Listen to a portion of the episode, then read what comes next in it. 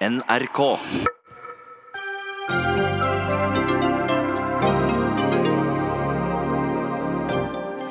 Kristelig Folkeparti har sikret flertall for å begrense innleie av arbeidskraft. LO jubler, men den nedstemte regjeringen og NHO sier det betyr at færre nå kommer ut i arbeidslivet.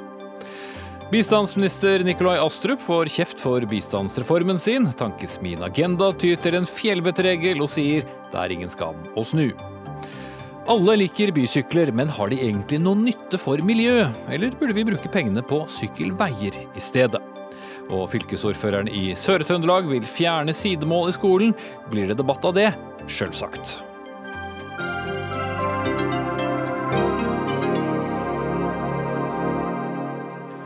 Da ønsker vi velkommen til tirsdagens Dagsnytt 18 med Espen Aas i studio, der vi også spør hvem som egentlig har ansvaret for å ta hånd om alt søpla som folk har hentet opp av havet i det siste. Men vi starter med norsk arbeidslivspolitikk, for Kristelig Folkeparti sikret nå i ettermiddag flertall med de rød-grønne for det omstridte forslaget om å begrense innleie i alle bransjer i Norge. LO jubler, mens regjeringen, som led nederlag, og NHO er imot. Kort fortalt så betyr det slutt på såkalt fast ansettelse uten lønn mellom oppdrag, også kjent som nulltimerskontrakter. Og stortingsrepresentant for Kristelig Folkeparti, Steinar Reiten, hvorfor ville det sikre flertall for dette? Ja, La meg først eh, få understreke at når vi har eh, gjort det som vi har gjort, så er det på selvstendig grunnlag. Vi er et eh, kristendemokratisk sentrumsparti. Vi baserer vår politikk på bl.a. kristen etikk, og det med å stå opp for de svake, det er jo en sentral del av det.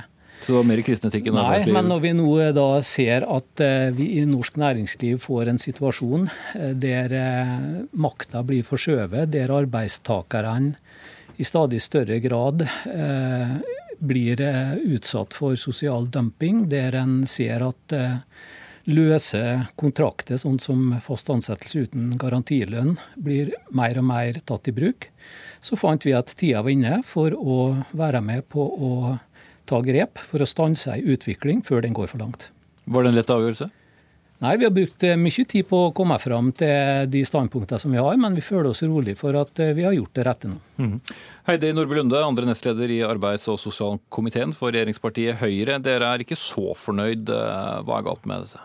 Det er flere ting. For det første så reagerer jeg egentlig ganske kraftig på at Steinar Reiten i VG framstiller det som at KrF er det eneste partiet på borgerlig side som anerkjenner fagbevegelsens viktige rolle i for et velfungerende arbeidsmarked. Når jeg sjøl satt her sammen med deg i Dagsnytt 18 på fredag og oppfordra folk om å bli medlemmer, både bedrifter og arbeidstakere. For det andre så reverserer KrF med dette forslaget åpningen for mer midlertidige ansatte, som skulle bidra til å senke terskelen inn i arbeidslivet for de som står lengst unna.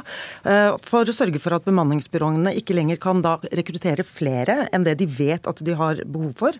Og da prioriterer de jo alltid de som er lettest for å få ut i oppdrag. Ja, så kanskje Men, det blir vanskeligere for bemanningsbyråer da å ha mange vikarer fordi de må ansette Definitivt. Dette her vil jo ikke bare gå utover norske bedrifters evne til å ha produksjon i Norge, men det går jo også utover offentlig sektor.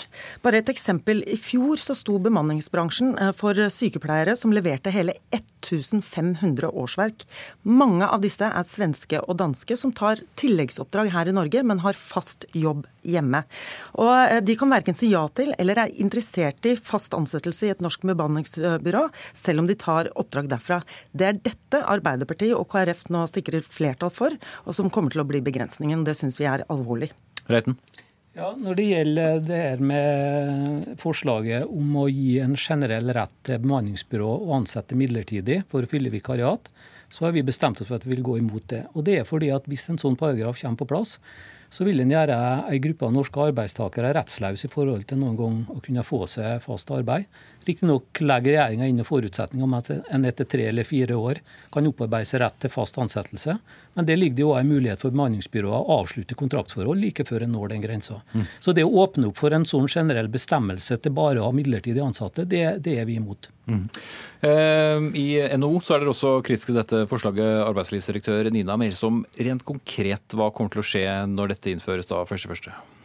Jeg reagerer litt på Reiten som sier at han man er opptatt av svake grupper i samfunnet. For det er også vi, og det er ikke tvil om at bemanningsselskapene har en viktig funksjon som døråpner til eh, arbeidslivet. Jeg har lyst til å illustrere det med et eh, helt konkret eksempel. Som, og det gjelder en, en advokatsekretær som ble sagt opp fra sin stilling pga. arbeidsbortfall. Det hun valgte å gjøre da, det var at hun lot seg ansette i et bemanningsselskap Eh, hun fikk etter hvert en, et innleieforhold i en bedrift for å dekke opp under et sykefravær, og etter hvert fikk hun også fast ansettelse i den bedriften. Med det forslaget som eh, KrF nå støtter opp under, så vil bemanningsselskapenes mulighet til å ivareta den funksjonen bortfalle. Og hva gjør KrF da? Jo, de sender denne kvinnen enten over til Nav eller så sender de henne egentlig til, bedriftene, hvor hun må gå og oppsøke den type arbeid selv. Og Det henger jo sammen med at bemanningsselskapene gjennom dette forslaget må ha en mindre hva skal jeg si, stall med arbeidstakere. Det er beklagelig. Mm. Da vil jeg også bringe inn eh, en som har eh, hatt opp eh, hånda her flere ganger, nemlig Trude Tindlund, som er LO-sekretær. I enkelte forbund i dag har jeg sett det har blitt servert kake etter mm. dette flertallet. Hvorfor er dette så bra? Nei, altså Vi er veldig glad for at KrF har tatt det standpunktet som de har gjort i dag, for, for, å understreke verdien av det organiserte arbeidslivet, ikke minst, og for å ivareta arbeidstakernes rettigheter. Og så synes jeg jeg reagerer kraftig både på, på, på Nordby Lunde og Nina Melsom her i forhold til å snu problemstillingen helt på hodet.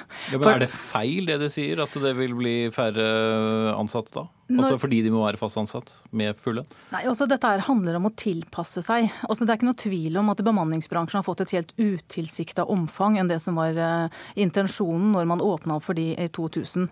Uh, eh, og Det har vært eh, hva skal jeg si, tilsynelatende enighet om at innstramminger måtte til. Når innstrammingene nå foreligger, så prøver man all verdens argumentasjon for å påstå at dette her kommer til å gå utover ansettelser, kommer til å gå utover de svake i samfunnet. Det er ikke så lenge siden det kom en rapport som viser at det økt adgang til midlertidighet faktisk ikke har hjulpet utsatte grupper noen ting med å komme inn i arbeidslivet. Så det argumentet syns jeg vi skal legge bort. Og så syns jeg vi skal være glad for at vi får en eh, lenge etterlengta innstramming av bemanningsbransjen, for det er veldig nødvendig. Både i forhold til å ivareta arbeidstakernes behov for forutsigbarhet for arbeid og lønn, og også for å bevare det organiserte arbeidslivet. Mm. Når vil du først? Ja, altså, um, først så sier Tinlund her at man må tilpasse seg. Vi har altså en produksjon i Norge, i norske bedrifter, som strengt tatt ikke har kapasitet til. Du har verft i, i Ulsteinvik med 6000 innbyggere som da produserer langt over sine egne innbyggere. Arbeiderpartiet og KrF har brukt et problem som er et problem, men hovedsakelig begrenser seg til bygg- og anleggsbransjen i Oslo, til å innføre et krav om omtrent medlemskap i LO og tvinge bedrifter til å ha tariffavtaler over hele landet for alle bedrifter i alle bransjer for å løse et problem som regjeringen mener at vi langt på vei har løst gjennom vår våre forslag, og som de strammer ytterligere til. Mm. Reitno så NHO. Altså, nå har jeg lyst til å minne om at det er regjeringa som fremmer en proposisjon der det regjeringa sjøl har innsett at det her med innleie er i ferd med å ta fullstendig overhånd i en del bransjer, og da særlig innenfor bygg og anlegg. Så regjeringa sjøl foreslår jo en innstramming i loven ved at en vil ha en klarere definisjon av hva faste ansettelser er. Og det regjeringa sjøl foreslår her, innebærer jo at bemanningsbyrået i langt større grad er nødt til å basere seg på fast ansatte. For her er det ikke snakk om å forby innleie. Det er bare snakk om at en vil ha en høyere grad av fast ansatte. Og Når det gjelder verftsnæringa på Nordvestlandet, så kjenner jeg den relativt bra. Der vet jeg at allerede i dag så er det slik at eh, ledelsen ved verftene forholder seg til de store fagforbundene, særlig Fellesforbundet, når en skal forhandle fram avtaler om, eh, om utvida bruk av innleid arbeidskraft. Og Bare for å nevne det. Eh, Kristelig Folkepartis fylkesleder i Møre og Romsdal er klubbleder ved Vard Søviknes eh, for Fellesforbundet. Det er lokale folk som overhodet ikke er interessert i å stikke kjepper i hjula for egen arbeidsplass. Det, det, de er jo avhengig av å ha arbeid. Så jeg er helt overbevist om at om vi hever organisasjonsgraden ute i bedriftene, så vil ikke det føre til at det blir vanskeligere å, å, å få til verdiskaping. Det her er lokale folk som vil bidra konstruktivt og gjennom forhandlinger okay. som, som, fagforeningsmedlemmer. Mm. Nina Melsom i, i NHO, var det et perfekt system slik det var? Ja, altså Vi har et innleieregelverk som er ganske stramt. Og så ser vi at vi har utfordringer innenfor bygg og anlegg. Det er vi enige om å løse, og det løser også regjeringen. Men det opposisjonen med KrF nå gjør, det er at de går mye lenger. og Dermed så skaper de nye utfordringer. Nettopp dette med at de lukker dørene for bemanningsbedriftenes mulighet til å inkludere. Og så, så, og så sier de at du skal heve avtaleadgangen ikke bare for bygg og anlegg, men for all, hele norsk arbeidsliv. Hva skjer da? Det vi har fått tilbakemeldinger fra våre bedrifter, det er at en del av bedriftene har ikke tariffavtale. Og det er faktisk ikke sånn at det er bedriftene som styrer tariffavtalevalg eller ikke. Det er det de ansatte som gjør. Og Tilbakemelding fra de ansatte er at de vil ikke nødvendigvis organisere seg. Og det er også en rett til å ikke organisere seg i Norge. Det må vi respektere. Så jeg tenker at her handler det om at man ikke drar dette lenger enn det som er påkrevet. Og så får vi heller se nå evaluere det forslaget til regjeringen, og så se om det fungerer på en god måte. Mm, Lund, LO.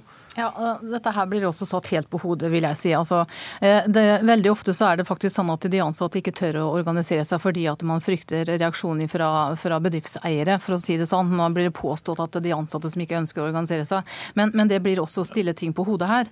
Eh, fordi at eh, det er ikke sånn at det er forbudt å bruke bemanningsbransjen. Det bemanningsbransjen har gjort, de har faktisk ødelagt for seg sjøl. Fordi at de har utnytta systemet ved å kunne ha en konkurransefordel ved at man har utnytta på påstått at man har vært fast ansatte, og så har man ikke gitt lønn mellom oppdrag. og dermed så har man kunnet... Men Har dette vært da isolert til bygg og anlegg, som ble sagt her, eller har dette vært et generelt problem? Det er i ferd med å spre seg til stadig flere bransjer. og Vi kan ikke, si at, det skal, vi kan ikke se at det skal være noen grunn til å bare begrense til bygg og anlegg og vente til at det har blitt like ille i disse andre bransjene som det er i ferd med å spre seg til. Ta fiskeindustrien, næringsmiddelindustrien oppover kysten. Fiskeslakteriene er eh, innleie en masse oppover. Så det at det, det er de, uh, satt sånn at tillitsvalgte i bedrifter med tariffavtale med fagforening med innstillingsrett, de er akkurat som Reiten sier, opptatt av og ikke stikke kjepper i hjula og sage av den grenen de sitter på, men de vil ta fornuftige vurderinger i forhold til dette her. Men hva da med dette som blir sagt og regnestykket med at det, da nødvendigvis må bli færre eh, antall eh, ansatte fordi de skal da eh, ha rett til, til, lønn hele tiden. Er du enig i at det kan bety færre altså, utøvere? Sånn som det har vært fram til nå, så har bemanningsbransjen hatt en uforholdsmessig konkurransevridning i forhold til bedrifter som har satsa på egne ansatte. Og vi må også se på de andre konsekvensene som dette her får år. Det er vanskelig å rekruttere ungdom til å utdanne egne fagfolk, fordi at det blir ikke satsa på kompetanse når man satser på kun innleie isteden. Så det her har store ringvirkninger, og det vi er nødt til å ta tak nå før det har gått for langt. Og det er ikke bare bygg- og anleggsbransjen, og det vet også de som sitter ved siden av meg her, men vi er nødt til å ta grep for flere bransjer nå, sånn at det ikke blir like ille andre mm. steder. Heidi Nordlund, du har ristet på hodet. Ja, men programleder, du hadde jo helt riktig spørsmålet i går. Har dette vært perfekt? Nei, det har det ikke. Det er jo nettopp derfor regjeringen både har tatt grep når det gjelder å ta arbeidslivskriminalitet på alvor, styrket samarbeidet mellom kontroll- og tilsynsetater, og nå kommer med en proposisjon til Stortinget som vi la ut på høring allerede i fjor sommer, som KrF har visst om, som Arbeiderpartiet har visst om, men som de da velger å gå lenger og gjøre da tiltakene strammere. Og så har jeg lyst til å minne om at det er små og mellomstore bedrifter som har ryggraden i næringslivet i Norge.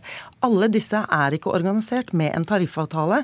Disse har, tar eh, oppdrag som er mye større enn det de av og til kan, nettopp bl.a for å kunne vokse i egen bedrift. Det er disse som vi nå, eh, som vi nå straffer pga. at bygg- og anleggsbransjen i Oslo har hatt et problem, fordi vi nå innfører krav til alle bransjer, til bedrifter over hele Norge, eh, uansett eh, hva som har vært tilstanden. Mm. Stemmeretten i, i Kristelig Folkeparti. Bare spørre, altså, Hvor utbredt mener du og partiet ditt at da misbruk av vikarer har vært?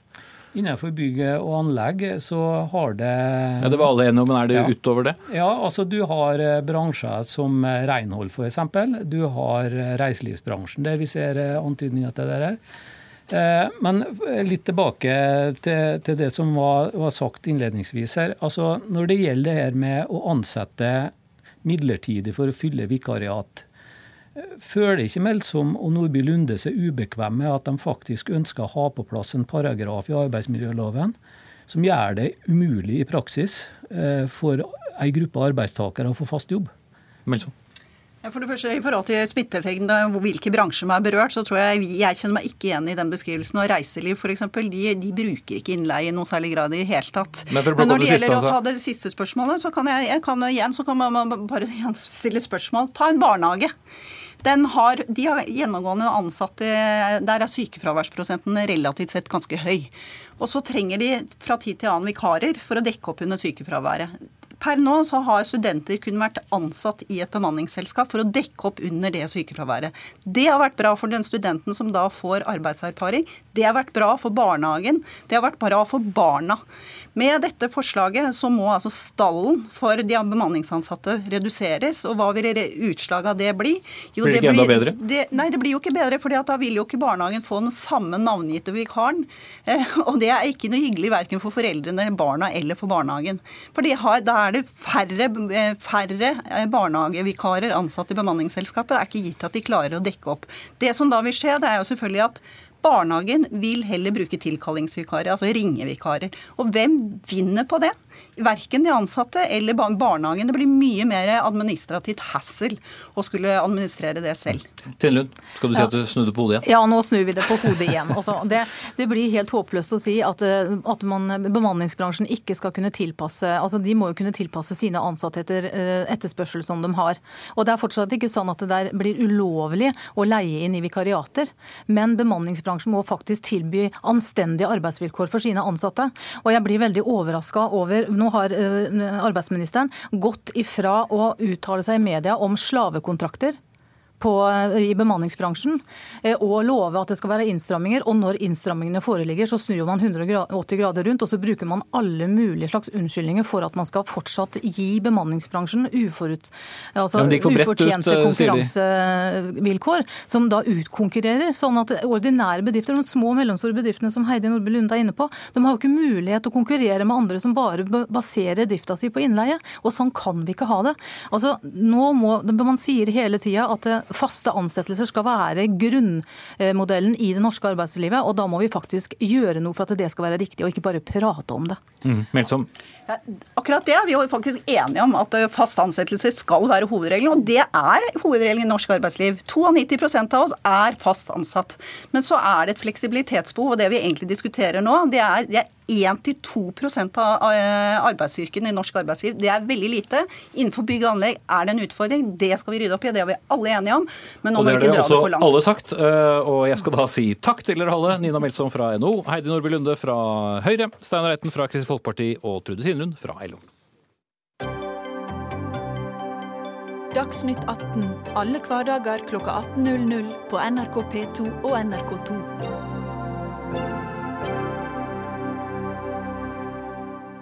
Da har vi foretatt et lite sceneskifte i eh, studio og spør eh, hva skal til for å få mest mulig ut av bistandskronene, eller skal vi si bistandsmilliardene som vi i Norge gir. Kan et av svarene på det være å splitte opp Norad, som altså er Direktoratet for utviklingssamarbeid? Det har iallfall utviklingsminister Nikolai Astrup eh, ment, som har lansert en egen bistandsreform. Men den har blitt møtt med stor motstand i flere fagmiljøer, og også i politikken, som frykter svekket bistand. Noe vi bl.a. kunne lese i Dagsavisen i går. Og um, Katarina Bu, internasjonal rådgiver i Tankesmien Agenda, og med bakgrunnen også fra Redd Barna. Du er en av dem som har vært eh, kritisk. Eh, hva bunner denne skepsisen i? Først så vil jeg bare si at eh, det er veldig positivt at denne regjeringen nå har en utviklingsminister. Det har bistandsmiljøet ønsket seg lenge. Men han gjør ikke det dere hadde tenkt? Eh, nei, altså han viser jo handlekraft, og det er mange som har etterspurt denne bistandsreformen. Den trengs også.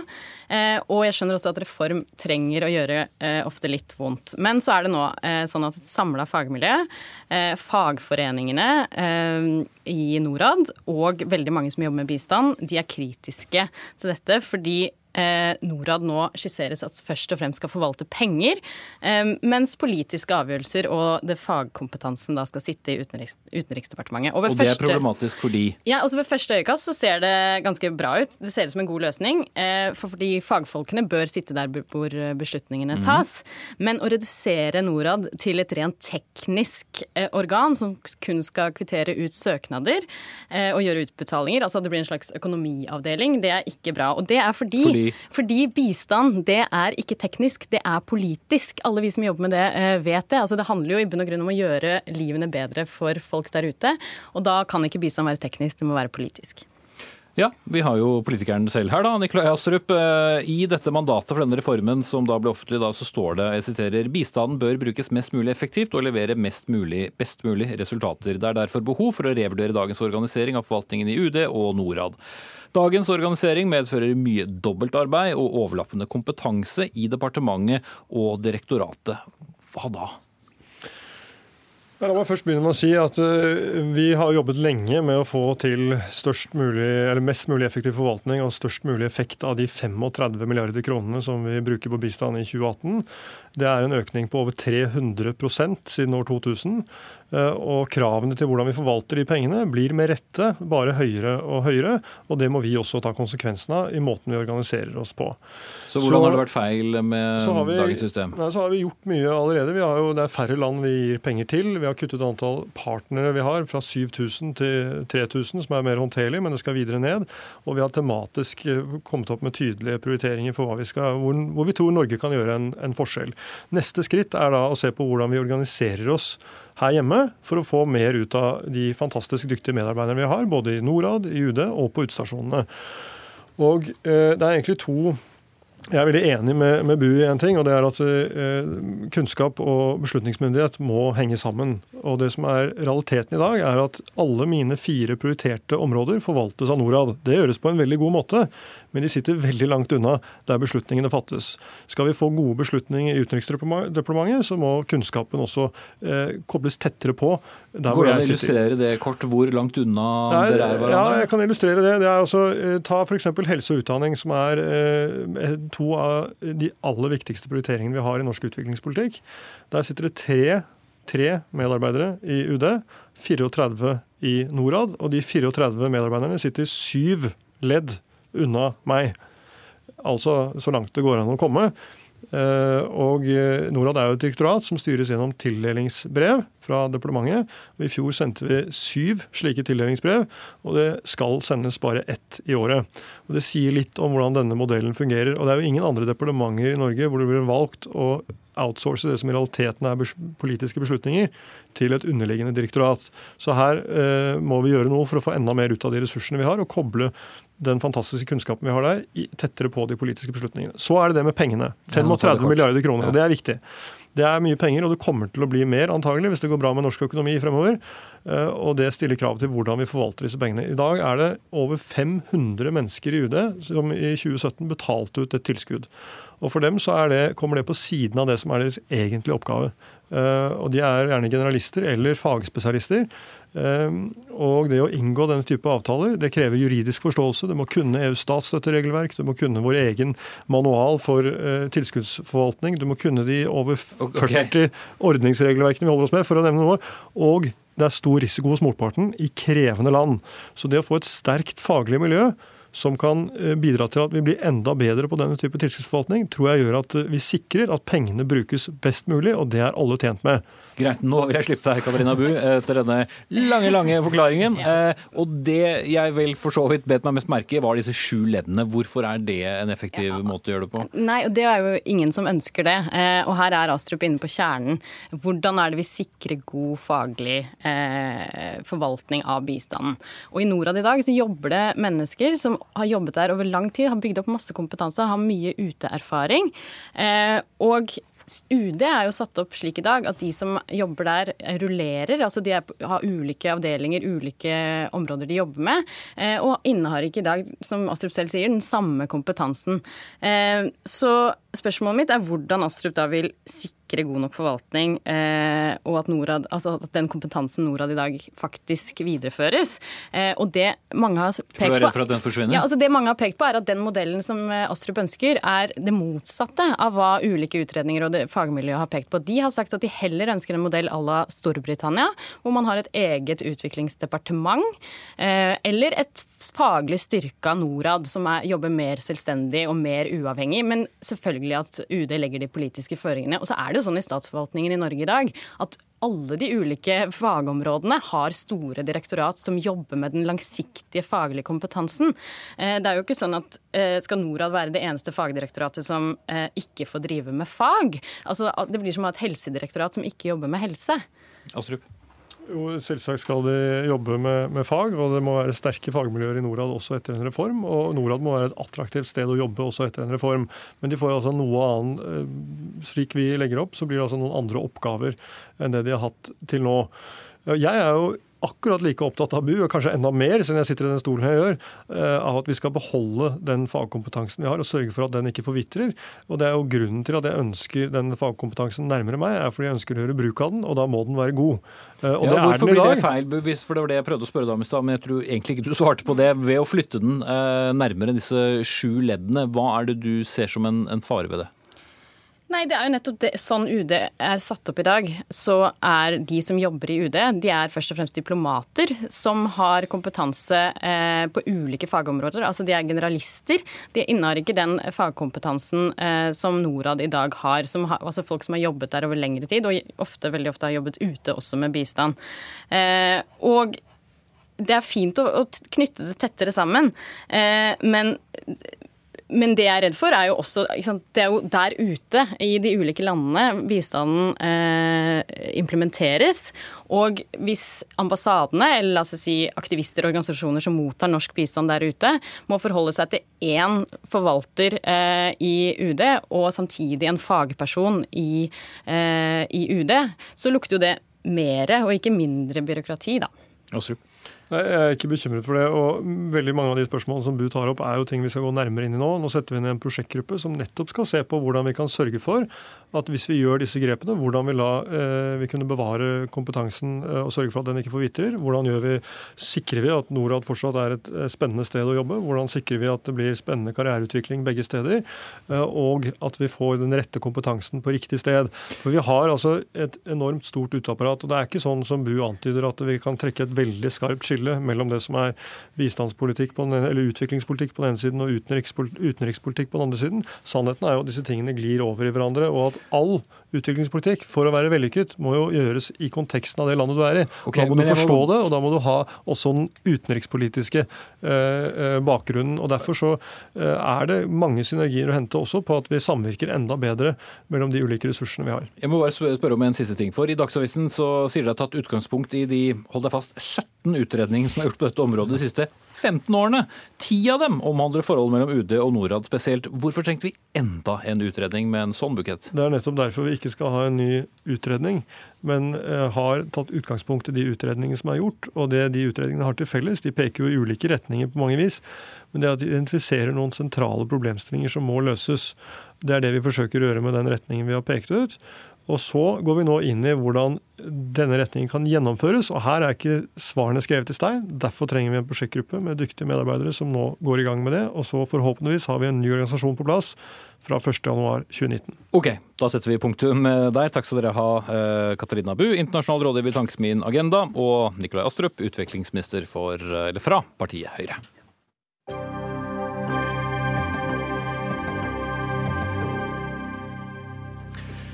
Systemet med bysykler, altså muligheten til å leie deg en sykkel for en eh, kort periode inn i et bysentrum, finnes i dag i iallfall fem norske byer. Oslo, Drammen, Sandnes, Trondheim og Tønsberg, hvor du ganske enkelt får leie deg en sykkel i stedet for å f.eks. bruke bil eller buss. Men fungerer systemet godt nok til at det bør innføres i flere byer? Hva er egentlig miljøgevinsten på bysyklene, og burde kanskje heller bruke alle pengene på skikkelige sykkelveier. Dette er ting som du spør om, Hulda Tronstad i Elbilforeningen. I et innlegg i Aftenposten så skrev du at bysykler i liten grad reduserer bilkjøringen. Eh, hvordan da?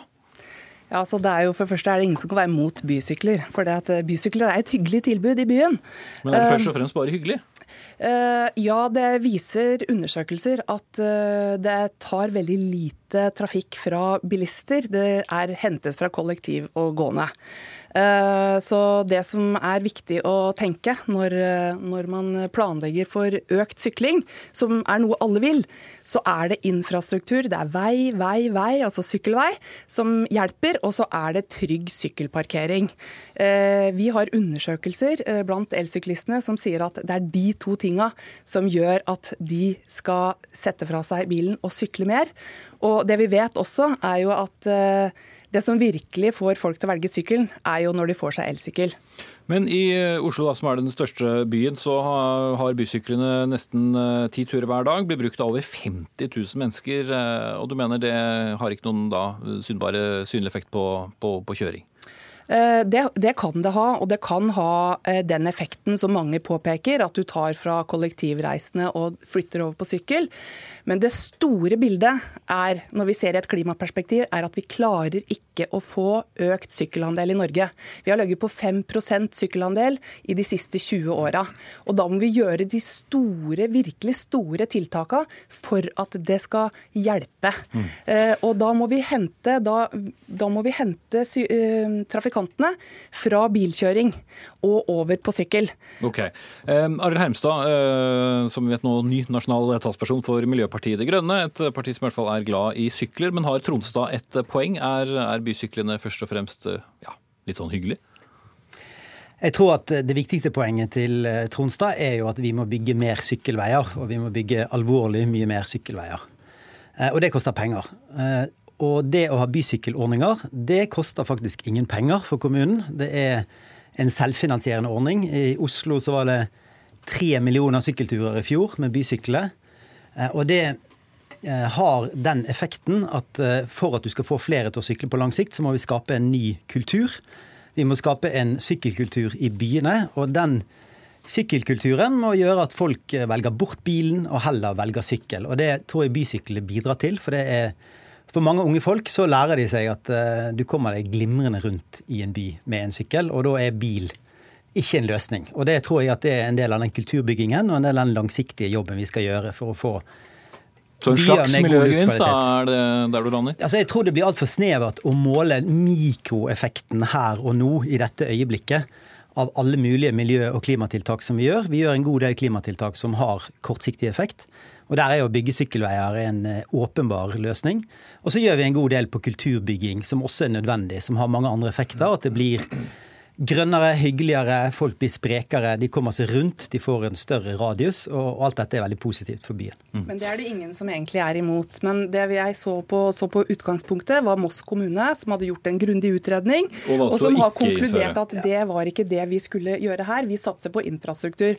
Og så leier de ut uh, elsykler og lastesykler for å for den måten å bidra til en sykkelkultur ja, i Moss. Kort før vi skal ta inn ja, jeg må bare si, jeg snakket med varaordføreren i Moss, og det er helt riktig at Moss satser mye på sykkel. De satser så mye at de måtte hive ut Frp fra bystyret, eller fra um, samarbeidet, fordi at Frp hadde ønsket ikke å bygge nok sykkelinfrastruktur. Men det de nå er i gang med, er å se på en annen ordning for bysykler. Så det er godt mulig at de også kommer til å ha en bysykkelordning om et år. Ok, eh, stikkord eh, til samferdselsminister Kjetil Solvik-Olsen der. Eh, det er jo kommunene som tar stilling, da, som vi skjønner, om man skal være for eller imot bysykler.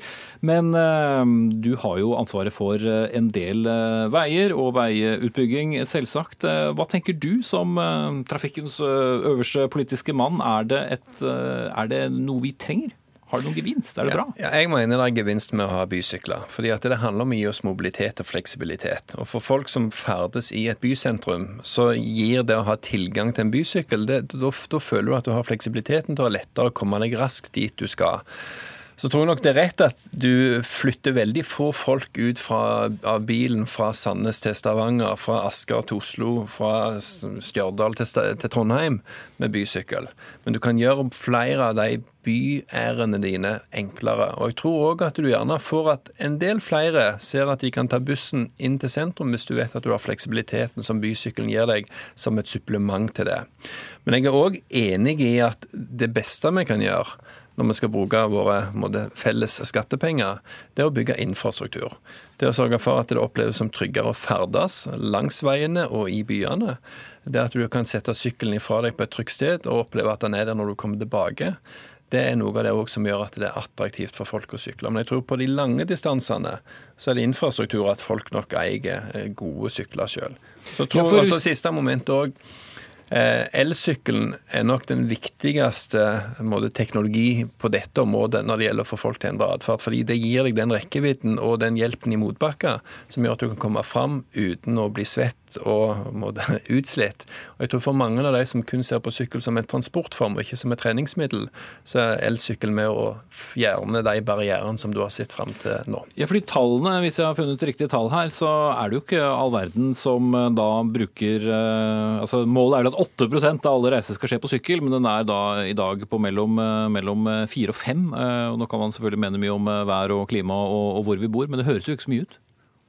Nei, Den har stått veldig stille, og det er jo en grunn til det. og det var at For ca. sånn 50-60 år siden så har vi sykler og til og med busser på et tidspunkt ut av byene. Og begynt å satse på bilen som det sentrale fremkomstmiddelet. Og det har vi jo holdt på med veldig lenge.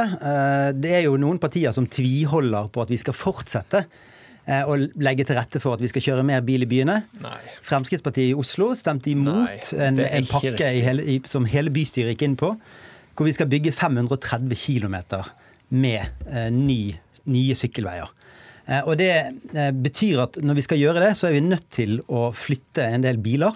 Og det er dessverre noe som Frp er imot. Og, og vi har også en samferdselsminister som ikke prioriterer å bygge nok sykkelveier. Han har holder et elendig nivå. altså vi, Statens vegvesen, som han er ansvarlig for, bygger for dårlige sykkelveier. Folk er ikke trygge på de sykkelveiene som Vegvesenet bygger. Og, ja, så, så han har jo en massiv oppgave å ta fatt på. God eh, samvittighet når det gjelder eh, tilrettelegging for syklister? Ja, og jeg syns det sier mye om at Miljøpartiet De Grønne har egentlig dårlige argument når de må begynne å bløffe og lyge sånn om motparten din. Vi har altså dob mer enn dobla bevilgning til sykkelvei under dagens regjering. Det er jo ett tegn på at vi tar det på alvor. Eh, det at eh, Oslo Frp er imot MDG sin sykkelstrategi i Oslo, ja, den tror jeg det er mange som kommer til å være imot når du ser hvordan den finansieres og lignende. Sånn den gikk jo igjennom i bystyret mot Frp. Det er riktig at den gjorde, men det er jo ikke fordi vi er imot sykling, men det er fordi vi er imot den den hatet som dere legger til grunn for de som er avhengig av bil, det må kunne gå an å satse på begge deler. fordi at vi er et mangfoldig samfunn med mangfoldige behov. Det at folk bor på Grünerløkka og jobber på Oslo rådhus, vel og bra. Da hadde tror jeg 99% av oss sykla hadde det vært reiseveien. Folk Så skal vi slå oss til ro med denne andelen da på en rundt 4 Nei, nei på ingen måte. Derfor ønsker vi å legge til rette for at flere sykler. Derfor har vi mer enn dobla bevilgningen til sykkelvei og lignende. og Derfor gjør vi en, en massiv innsats for å stimulere til det. Men Når men, tror du vi ser en endring, da? Det er vanskelig å si, fordi at dette er valg som vi selv tar. Men ved at vi legger til rette infrastrukturen, så vil det være lettere for folk å ta de valgene. Og så handler det om holdningskampanjer og lignende. Men, men greia her er altså Vi kan ikke lage dette til en sånn MDG-tilnærming at du skal hate bil og du skal elske sykkel. fordi at jeg, jeg har sykla over 3000 km så langt i år. Jeg tror at det, jeg, ja, altså, altså, jeg har ingenting å skjemmes av. Men jeg kommer òg til å bruke bil når jeg skal gjøre en del ærend, òg eh, nær Oslo sentrum. Men i Oslo sentrum så er det jo ingen mening for meg å bruke bil, for akkurat der er kollektivtilbudet mer godt nok utbygd. Eh, også, sånn at vi må, poeng, ja, jeg, ta inn deg nå til slutt, Det er jo et poeng at veldig mange byer ligger etter sine egne mål for å bygge sykkelveier. Så det, eh, det, det er brakt på det rene. Eh, og så skal du ha ros for at, at, du har lagt til rette for flere elektriske framkomstmidler. For det, det tror jeg også er med på mm. å, å, gjøre at folk setter fra seg bilen og, og begynner å sykle eller, eller sparkesykle. Men det er jo litt sånn at vi trenger økt sykkelparkering. Det er det veldig lite fokus på. For det, det er noe som det vi, vi, virkelig eh, etterlyser. Og, så er det ett poeng til. Og det er det muligheten for å ta med sykkel på tog. Mm -hmm. eh, og det og muligheten å, ta, å, hente litt inspirasjon fra Tyskland, som har gjort det mulig for togreisende å faktisk bestille en bysykkel, så du vet den er der når du kommer fram, og så kan du bruke og, og se hele reisekjeden, at du kan klare den uten bil. Så vi trenger inspirasjon fra de gode prosjekta utover uh, i hele både Europa og resten av verden. Og så, og så så trenger vi også se at, eh, at eh, det, eh, Norge er mer enn Oslo, og at ulike løsninger passer for ulike byer. Da setter jeg punktum før vi sykler oss videre ut på, på landeveiene her. Takk skal dere ha, samferdselsminister Kjetil Solvik-Olsen, Arild Hermstad fra Miljøpartiet De Grønne og Hulda Tronstad i Elbilforeningen.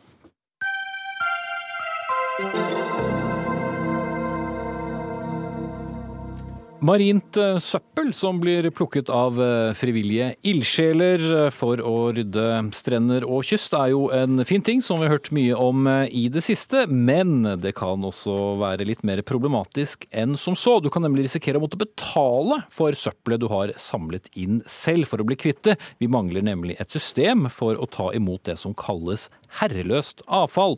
Og Rolf Ørjan Høgseth, du er prosjektleder i det som heter In the Same Boat, som er en organisasjon med fire båter som er på søppeltokt på helårsbasis. Eh, noe dere gjør på, som en ideell eh, affære, men fikk altså en eh, overraskelse og en tilsynelatende dyr en nylig. Hva skjedde? Jo, vi var da på eh, såkalt plogging eh, sammen med noen frivillige i eh, Mandal. Eh, altså Plogging er jo da jogging og plukking, der man eh, løper rundt i bynære områder gjerne, eh, eller ute i naturen, og plukker med seg litt eh, rask som man finner på turen. Trening og søppelrydding. Og, og, så var vi da på sjøsanden utenfor eh, Mandal, der vi plutselig dumpa borti et større funn av eh, avfall. Det var bildekk, dels på felg. Det var fiskegarn og en stor rause med, med tau.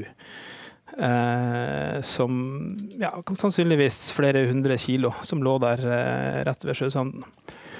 Og eh, vi hadde jo ikke planlagt å gjøre en større ryddeaksjon, men vi tenkte at vi, vi kunne ikke la den søpla ligger. Vi måtte prøve å få, få rydda opp i det her. Og eh, vi tilkalte til og med Redningsselskapet, som hjalp til med å, å slepe denne eh, taurausa inn til eh, Mandal sentrum. Men problemet kom når det skulle bli kvitt det? Ja, det her var jo da andre pinsedag, så vi hadde ikke noen plass å ringe. Så vi tok sjansen på å legge det her på, på brygga i Mandal. Og så ringte vi eh, tirsdags morgen da, til eh, Maren renovasjon og fortalte hva vi hadde funnet og hvor vi hadde lagt det. Og jeg hørte om de kunne, kunne, ta vare på det her, da. Um, og det var ikke så enkelt. De, de, hadde ikke noe tjeneste eller noen mulighet for å, å ta opp det her, hva vi fikk beskjed om. og Vi måtte ringe til Skjærgårdstjenesten. Kanskje de kunne hjelpe oss. Så vi ringte Skjærgårdstjenesten, eh, som syntes det var supert at vi hadde tatt vare på den eh, søpla. Eh, og de sa at de skulle ringe Maren. Og da tenkte jeg at ja, de de jeg må be deg speede opp eh, historien litt, ja, for vi har ja. tre debutanter i studio også. Ja, riktig. Eh, en på eh, historia var jo at vi under tvil fikk hjelp fra Maren etter at de har vært i kontakt med Norge Rent. Som har da refusjonsordninger som skal dekke deres kostnader. Og de hadde da fått beskjed om at de kanskje vil få dekning eh, for å hente den søpla. Så vi fikk på en måte ikke et endelig svar på om det ble tatt vare på, og om vi fikk noe kostnad. Ja, Så det sto i fare for å få en regning for å ha, ha ryddet opp? Ja, det, det stemmer. Nå, nå, var Maren veldig eh, velvillig, og jeg tror ikke vi får noe regning derfra. Men problematikken her er jo at uh, man risikerer kostnader, og det, det er et uh, komplekst byråkrati uh, man møter da, hvis man tar med avfall, herreløst avfall ja. og prøver å levere det. Ola Elvestuen, stadig miljø- og energiminister. Dere vil si at dere har eh, sørget for mer penger enn noen for å rydde søppel i Norge, men eh, hvis vi må betale for å bli kvitt det, hva da? Ja, Vi har sørget for mer penger. Det er jo 80 millioner som brukes på det. Og det er jo en refusjonsordning. Og jeg vil jo si at Selv om dette er en spesiell historie, så er det ikke stor risiko for, for at man ender opp med å skulle betale. For den, den refusjonsordningen som Hold Norge Rent eh, har, den, den virker jo. Og det, det, det, og det, betyr kort og godt at den som henter av søppelet, skal kunne få tilbake den kostnaden de har hatt? Det som er viktig, er at man organiserer den oppryddingen. Og også at man, eh, man henvender seg på forhånd, sånn at man faller inn under kriteriene for Hold Norge rent. I denne, dette tilfellet så virker det som de også har vært uh, fleksible. Og så er det klart at det vi må gjøre er at nå er det jo heldigvis veldig mange Så det er som spør først og rydd etterpå? Ja, Det er viktig at man organiserer seg. for Du har jo dette på to områder. Vi har en støtteordning på 80 millioner.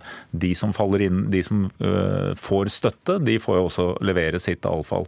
Og Så er det da de som organiserer seg utenfor det og driver opprydding, som da vil falle inn under denne refusjonsordningen. Det, men det denne historien viser, er jo at nå har vi veldig mange som er villige til å, å rydde. Det er veldig bra. Det har vært 110 000 som har vært ute nå i, i år.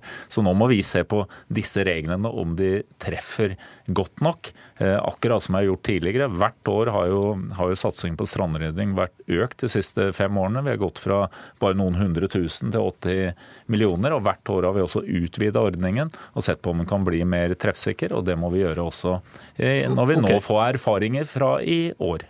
Torbjørn Sølsnes, Sølvsnes, kommunikasjonssjef i Avfall Norge, som er bransjeorganisasjon for avfalls- og gjenvinningsbransjen i, i Norge, da, med medlemmer fra både offentlig og privat sektor. Er det lett å orientere seg i den jungelen? Har regjeringen gjort sitt, og nå er det opp til dere å forvalte det? Altså, Regjeringen har gjort mye med, med, å øke bevilgningen, slik statsråden her sier. Men det som er en utfordring for eh, strandryddere og avfallsselskaper, det er jo det at eh, altså for det første er det sånn at 50% av det avfallet som finnes på strender og langs vassdrag, det kommer egentlig fra naturen, fra skog og mark. Og der gjelder det andre regler. Der, det, der, er det andre definisjoner. Det betyr også at de som rydder der, de, eh, og, og, og, har tilsvarende aksjoner slik som, eh, som, man kan gjøre innenfor refusjonsordningen, de må egentlig betale hvis de leverer det fra seg til et avfallsselskap. Fordi kommunen egentlig bare skal dekke husholdningsavfallet gjennom renovasjonsgebyret, og det er det der det egentlig kommer inn. Som alle er med på å betale? Ja. Som alle er med på å betale. Sånn at Det som vi har bedt om, det er at uh, den ordningen for refusjon av, uh, til forsøplingsaksjoner, at den faktisk treffer all forsøpling. Ikke bare den som ligger på strender og langs vassdrag, men også den som vi finner i skog og mark og ellers i naturen.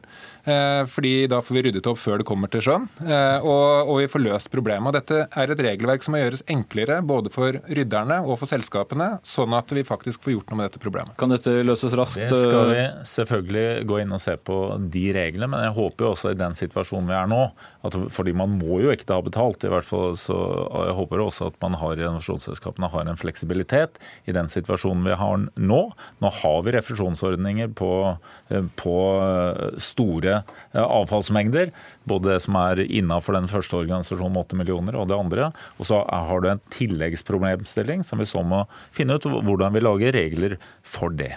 Og uh, Gunn Marit Helgesen, styreleder i KS, kommunenes interesseorganisasjon. Dere mener det er en systemsvikt her, men svikter det hos regjeringen eller kommunene? Nei, La oss si at det er viktig å få justert ordningen slik at kommunene også er innbefattet i ordningen. fordi denne fusjonsordningen den treffer ikke kommunene. Og det er som det er sagt, eh, avfalls, eh, eller husholdningsavfall er kommunenes ansvar. Det ansvaret tar man. Eh, som Men, er det vi legger ut i våre egne kasser, ja, eller kassene som dere har gitt oss? Og som er til selvkostprinsippet, så der kan man jo ikke dekke det herreløse avfallet. Det som er vårt anliggende nå, jeg syns det er flott at debatten kommer opp. Jeg syns det er flott at statsråden sier at dette er vi villige til å se mer på. Det ble sagt forenkling. Det blir sagt at kommunene må være innbefattet i ordningen. Dette er et samfunnsproblem. Forsøpling er et samfunnsproblem. Eh, og Da bør vi justere ordningen slik at vi får et best mulig resultat. og Da må vi justere ordningen. Det er vårt utgangspunkt. Og så syns jeg faktisk alle disse fantastiske eh, ildsjelene som går nå og rydder, må få anerkjennelse. Og da må vi også gjøre det at vi kan gjøre det permanent hele året i skog og mark og fjell og sjø, og ikke bare Og Hva er da det enkleste? For det er det jeg tenker når jeg hører både historien fra, fra Mandal og alle de historiene vi har sett i NRK andre steder, og folk som rydder. Men hva skal de gjøre med alt sammen? Og hvem skal de eh, kontakte? Skal de de kontakte da dere som eh, håndterer avfall først, eller skal de kontakte kommunen, eller hva? Ja, jeg, eh, altså, ja, eh, bare svare på det statsråden sa. Avfallsselskapene er fleksible på dette. Men det som er problemstillingen, er det at de faktisk tar en kostnad som de ikke vet om de får dekket. Mm. Sånn at ja, vi skal være fleksible, men da må også regjeringen og Stortinget være det samme. For det kan fort bli dyrt hvis man skal ha en ekstra fort, henteordning? Det kan fort bli dyrt. I fjor så ble det plukket 1400 tonn søppel på norske strender og, og langs norske fjorder og elver og sånt. I år så er det sannsynlig at det kommer kommer mer enn dobbelt, og kanskje nesten så mye som tre ganger så mye. Da må det også tas høyde for eh, på kostnadssiden. Og det, det, hører jeg statsråden si at det kan komme, og da kan han gjøre det allerede nå i forhandlingene om revidert nasjonalbudsjett. Ja, det er jo dette, dere holder på nå. Men dette er jo veldig bra. Det er jo kjempebra at det er så mange som er ute og rydder, og dette handler egentlig om å håndtere en suksess. For dette er jo det vi vil. Vi vil altså at man skal ta opp så mye mm. Og dere økonomisk, da. Ja, fra, fra, fra, norsk natur, så den ikke er der den flyter. Mm. Og så er det klart at da må vi Og vi har jo gjort mye. Jeg mener at det har vært en fleksibilitet her, er det ingen tvil om.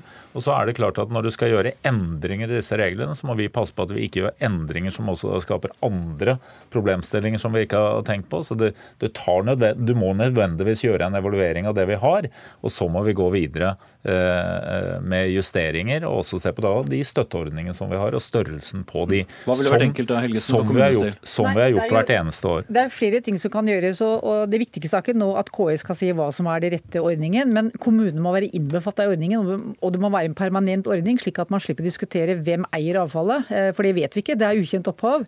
Eh, så jeg tenker at eh, vi har tilbudt oss å bli med på å bidra til at regjering og storting endrer ordningen slik at den blir enda bedre. Det er en bra ordning som kan bli enda mye bedre.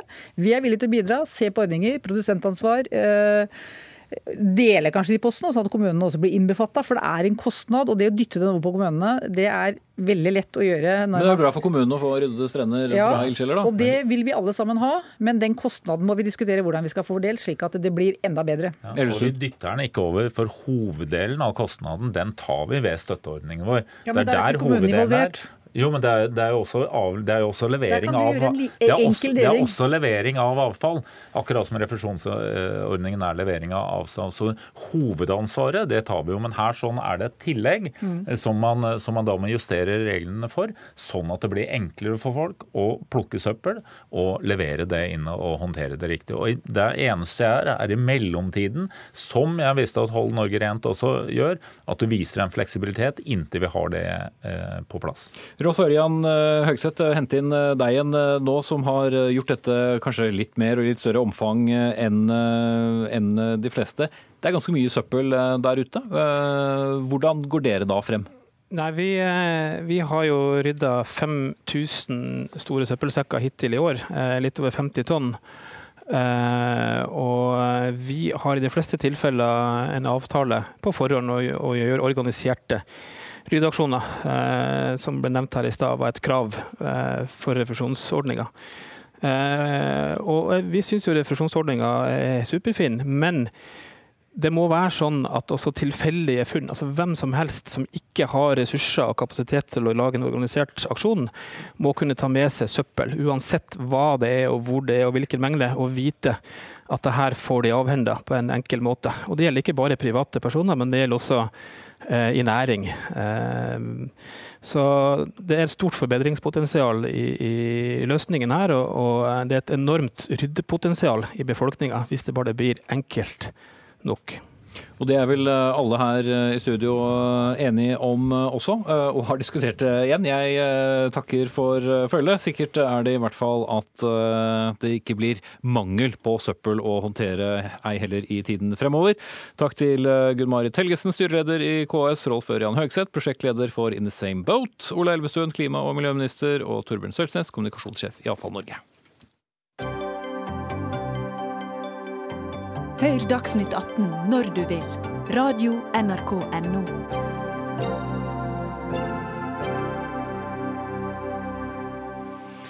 Og da, dere, skal vi snakke om målformer. For vi har to likestilte målformer her i landet. Per i dag får elevene i grunnskolen og videregående skole karakterer i norsk hovedmål, norsk sidemål og muntlig. Men nå tar fylkesordføreren i Trøndelag nok en gang initiativ til å fjerne sidemål som eget fag. Med andre ord kan det da bli slutt på egen karakter i nynorsk hvis man er bokmålsbruker, og omvendt altså for nynorskbrukere. Og Tore O. Sandvik, fylkesordfører for Arbeiderpartiet i Trøndelag. Hvorfor vil du ta bort eh, sidemålet?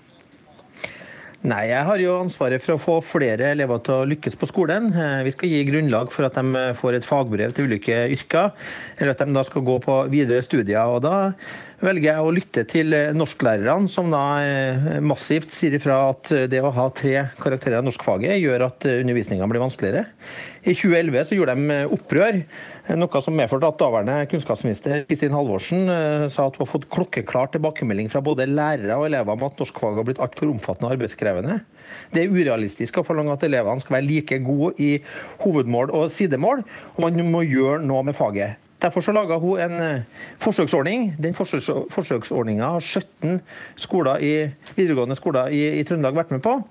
Og der, er, der, har de da forsøk med å ha én karakter i norsk eller to karakterer. Altså muntlig og skriftlig, eller bare én samlekarakter. Og eh, Evalueringa derifra underveisrapportene viser både her og i den nasjonale at eh, det er veldig gode erfaringer. Lærerne gir veldig gode tilbakemeldinger, elevene gir gode tilbakemeldinger. De opplever at de gir en bedre opplæring i faget, både i sidemålet og i hovedmålet. Og man gjør det viktigste av alt. Man utvikler da elevene til Eh, til gode kandidater for videre arbeid med fagbrev eller studier. Og de gjør at de kan bruke norsken som det viktigste læreverktøyet vi har, nemlig til å lære seg også andre fag og til å være gode samfunnsborgere. Dette er jo en kjent problemstilling bl.a. fordi Høyre har tatt til orde for det flere ganger og vedtatt det på sitt landsmøte. Men Arbeiderpartiet har vedtatt at nynorsken skal sikres gode utviklingsmuligheter. Hvordan harmonerer det med det du akkurat har forklart? Ja, Det harmonerer jo utmerket godt med det. for sånn som det er i dag, så er det sånn at eh, det å ha tre karakterer i norsk, det favoriserer de flinke elevene. Er du god i norsk og matte, eller hovedmål og matte, så er du så god i sidemål. Men hvis du sliter med, med, med, hovedmålet ditt, så er det å ha et sidemål noe som gjør at du ytterligere har problemer med å eh, oppholde deg nok eh, ferdigheter i det her viktige verktøyet for eh, videre læring. Samtidig sier også lærerne at når du skal ha eh, tre eh, karakterer i norsk, så må du også ha vurderingsstopp underveis, som gjør at det tar bort massevis av tid til praktisk bruk av, av faget. Eh, og det er jo sånn at Hvis du i tillegg kommer opp til eksamen, så risikerer du at du får seks karakterer av norsk på vitnemålet og én mattekarakter.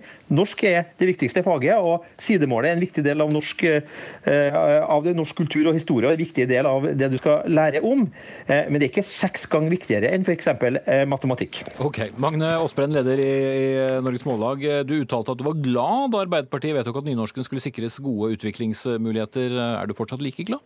Jeg er glad på Arbeiderpartiets eh, vegne, men det virker jo som om eh, Sandvik tar dette her feil. Altså, det her er jo et alvorlig angrep på rettighetene til 600 000 nynorskbrukere. For, ja, men det går vel begge veier? Eh, det er jo da sånn at, at 85% av skoleelevene har nynorsk som sidemål. og Hvis de da ikke skal lære å skrive nynorsk ordentlig som, som sidemål, for det gjør de jo ikke hvis de ikke får karakter i det faget, så, så går, går, det altså da utover rekrutteringa til stillinger der nynorsk er viktig. Og jeg har lyst til å utfordre han Tore Sandvik på det der med hva slags plan har du for de 600 000 nynorskbrukerne? Hva slags rettigheter skal de få i, i, i framtida? Og, og, så er det òg sånn at jeg Men Ta en ting i gangen. La Sandvik svare på det først. Ja, nå er det sånn at uh, De skolene som har eh, erfaring med å ha en norskkarakter eller to norskkarakterer her i dette forsøket, de uh, opplever jo det at de gir bedre utdanning i norskfaget, både i hovedmålet og sidemålet. Så jeg vil si at det styrker rettighetene til de 600 000. Og de som har det som hovedmål, vil jo selvfølgelig fortsatt ha det som hovedmål, uh, men vil da også få én karakter i norskfaget da, i sitt sidemål, som da er, er, bokmålet. Så det å prøve å framstille det som at det norske samfunnet bryter sammen, fordi om ikke ikke har tre norskkarakterer. Det finnes jo en rekke land vi kan sammenligne oss med som ikke har tre karakterer i, i, hoved, i morsmålene sine, som da utmerket godt er både gode kulturnasjoner som greier å ivareta sine, eh, sine elever og sine borgere på en god måte. Så man må på en måte ikke gå ut i ytterlighetene her og bringe det her opp til sånn som Adresseavisas kommentator i dag sa, at sidemål er noe av det viktigste elevene lærer på skolen. Eh, da tror jeg man bommer sterkt på hva, hvilke krav samfunnet stiller, og hvilken virkelighet både elever, lærere og ikke minst samfunnet for øvrig da okay, Det er helt sikkert at det er ingen andre land som har tre eh, norske karakterer, det er jeg helt sikker på. Men, eh, men Åsbrenn, ser du poenget til Sandvik her, eller er du helt Nei, jeg, jeg kan ikke, altså Det er jo sånn at når elevene har færre timer og færre karakterer i fag, så lærer du mindre. Og jeg må også si at Sandvik tar helt feil når det gjelder matematikk. For du kan gå ut av skolen med tre standpunktkarakterer i matte. Én fra VG1, én fra VG2 og én fra VG3. Og alle de åra kan du komme opp til eksamen nå i matte, sånn at du kan få seks karakterer i matte òg.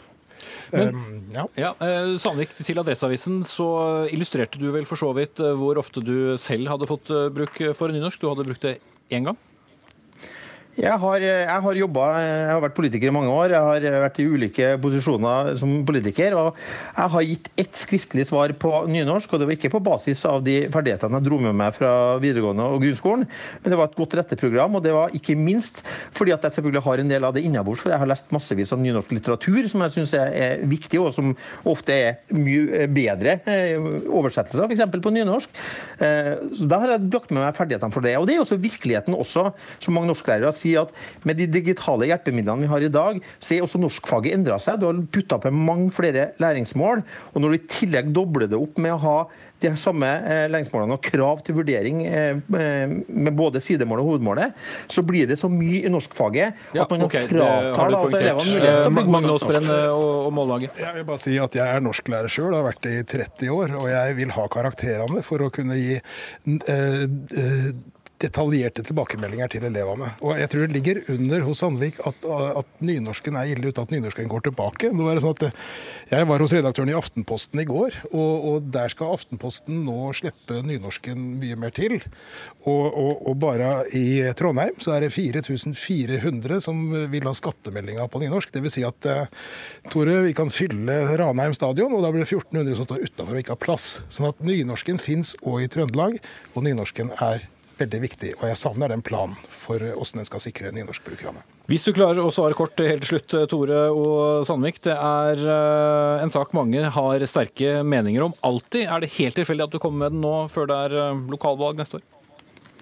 Det, det, grunnen til at saken kommer nå, er at eh, i neste måned så kommer eh, evalueringsrapporten som viser hvordan det har gått med, med karakterutviklinga til de elevene som er med i, i forsøket. Og man har også utvida forsøket til 2019. Det er jeg veldig glad okay. for. Vi kommer til å søke om å være med til da.